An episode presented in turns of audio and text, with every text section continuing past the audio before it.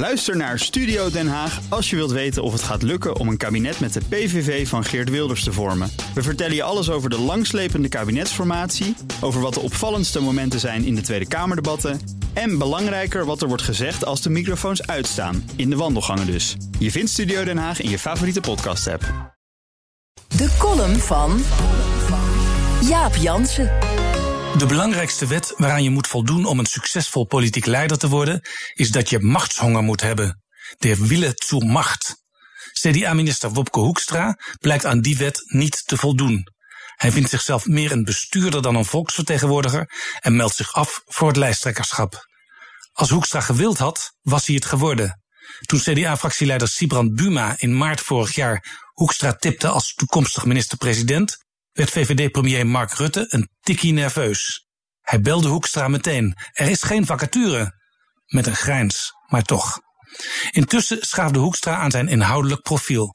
Hij hield een Bilderberg-lezing, de sociale Hoekstra, een Humboldt-rede, de Europese Hoekstra, de H.J. Schoollezing, de nationale Hoekstra, en de Ronnie Naftania-lezing, de morele Hoekstra. Iedereen voelde, hier is iemand zich inhoudelijk aan het laden. Hij is meer dan de oer-Hollands zuinige minister van Financiën. En in die rol kreeg hij de zegen van Nederlands belangrijkste partner Duitsland. Minister Peter Altmaier, de steunpilaar van bondskanselier Angela Merkel, vertelde enthousiast over die slimme strateeg Wopke. Eigenlijk had het CDA op 6 juni de lijsttrekker al naar voren willen schuiven. Maar door corona kwam er geen partijcongres waarop je zo'n voldongen feit kunt regisseren. En er was die twijfel bij Hoekstra zelf.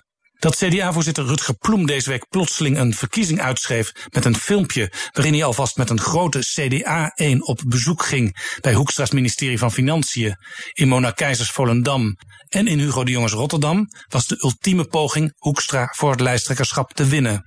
De rommelige overdracht van het partijleiderschap past in de traditie van het CDA. Dries van Acht werd de allereerste lijsttrekker als compromisfiguur. Ruud Lubbers werd het tegen de zin van Van Acht. Elko Brinkman stond te vroeg op het schild en haalde gebutst de verkiezingen.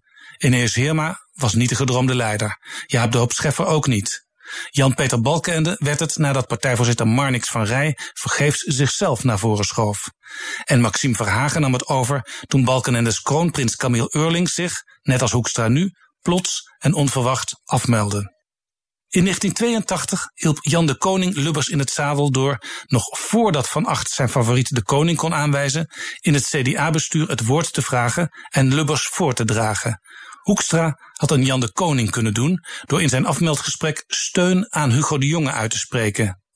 Dan was hij kingmaker en had hij voorkomen dat de komende tijd twijfel rijst of de jongen wel alle steun heeft. Want met alle respect voor Mona Keizer, die acht jaar geleden al een poging waagde, de jongen zal het nu moeten gaan doen. Voor heel wat kiezers, net als na de afmelding door Eurlings, bij gebrek aan beter. Columnist Jaap Jansen. Terugluisteren? Ga naar bnr.nl of de BNR-app. Ook Hugo Reitsma vind je in de BNR-app. Superhandig die BNR-app. Je kunt alle programma's live luisteren, breaking nieuwsmeldingen. Je blijft op de hoogte van het laatste zakelijke nieuws. En je vindt er alle BNR-podcasts, waaronder natuurlijk de belangrijkste, Boeken zijn in de wijk. Download nu de gratis BNR-app en blijf scherp.